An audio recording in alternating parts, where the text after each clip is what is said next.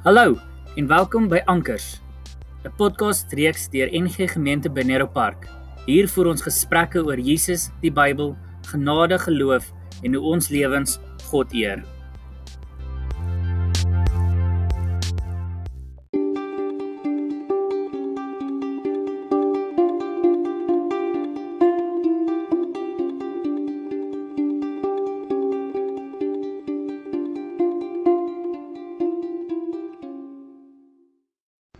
Goeiemôre.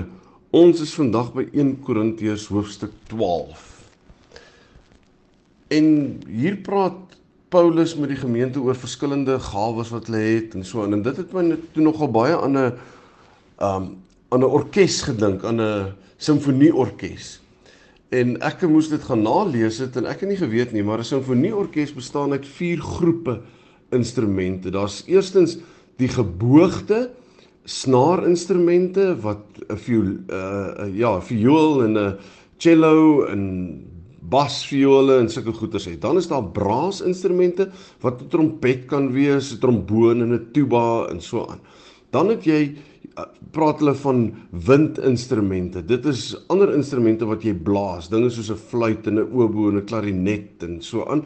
En dan kry jy ritme-instrumente. Dit is instrumente wat geslaan word soos 'n trom, 'n basdrom of 'n driehoekie of ehm, 'n um, snaardrom, simbale en sulke goeters.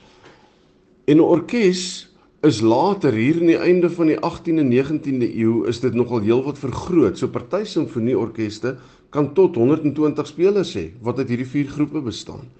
Maar almal luister na die een dirigent en hulle speel in ritme saam. Die punt waarby ek wil uitkom is vers 7 waar Paulus so mooi skryf in Korintiërs 12. Hy sê aan elkeen afsonderlik word 'n werking van die Gees gegee tot voordeel van almal.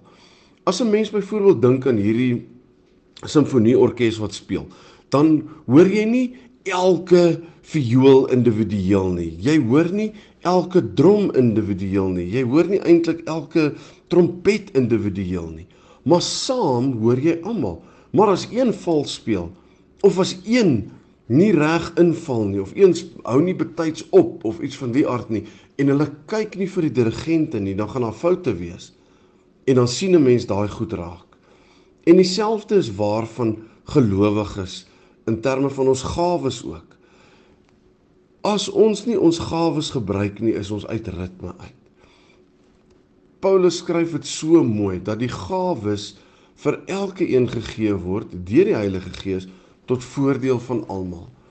En dit is 'n ding wat ons moet onthou en wat ons moet verstaan dat elke een van ons maak nie saak wie of wat ons is nie en hoe oud of hoe jonk ons is nie, elke een van ons 'n gawe gekry. Niemand het nie 'n gawe gekry nie. Paulus sê dat elke een van ons 'n gawe gekry. En dan wat hy verder skryf oor is om te sê daar's nie meer en minder belangrike gawes nie. Byvoorbeeld en ek het hierdie voorbeeld lank terug gebruik. Sê nou maar 'n mens wil oor die pad stap. En dis nog 'n besiger gestraat en jy kyk byvoorbeeld links, ons het ons geleer links, regs en weer links en jy kyk links um en jy sien niks nie. En jy kyk regs en jy sien niks nie, maar intussen sê jou ore vir jou. Hoor jy, dis nie veilig om oor te stap nie, jy kan maar oorstap. En jou oë sê, maar ek sien niks nie en jy stap oor woeps daar trap kar jou plat. Dan is dit omdat ons nie vir ons ore geluister het nie. So dit wil net sê dat al ons gawes wat ons in 'n gemeente saam sit, is daar tot voordeel van almal en moet in harmonie wees met mekaar. Die probleem in Korinte was dat die mense hulle gawes te mekaar afgespeel het en almal het elkeen het gedink sy gawes is die belangrikste. En dit is hoekom Paulus daaroor geskryf het want hulle het hom daaroor gevra. En daarom sê hy dat elke gawe is ewe belangrik. En ek dink dit is 'n ding wat ons in die kerk moet leer, dat elke een van ons se gawes is ewe belangrik. En op 'n kritieke tyd is daardie gawe nodig. So maak nie saak wat ons gawe is nie. Kom ons gebruik dit tot eer van die Here, tot sy eer nê en om die kerk, ons geloofsgemeenskap mee te dien. Kom ons onthou dit. Bid saam met my. Hemelse Vader, Vanoggend staan ons 'n bietjie stil by die gawes waaroor Paulus skryf en die een ding wat ons hier leer is dat ons soos 'n simfonieorkes in ritme moet wees, in u ritme, nie ons eie ritme nie.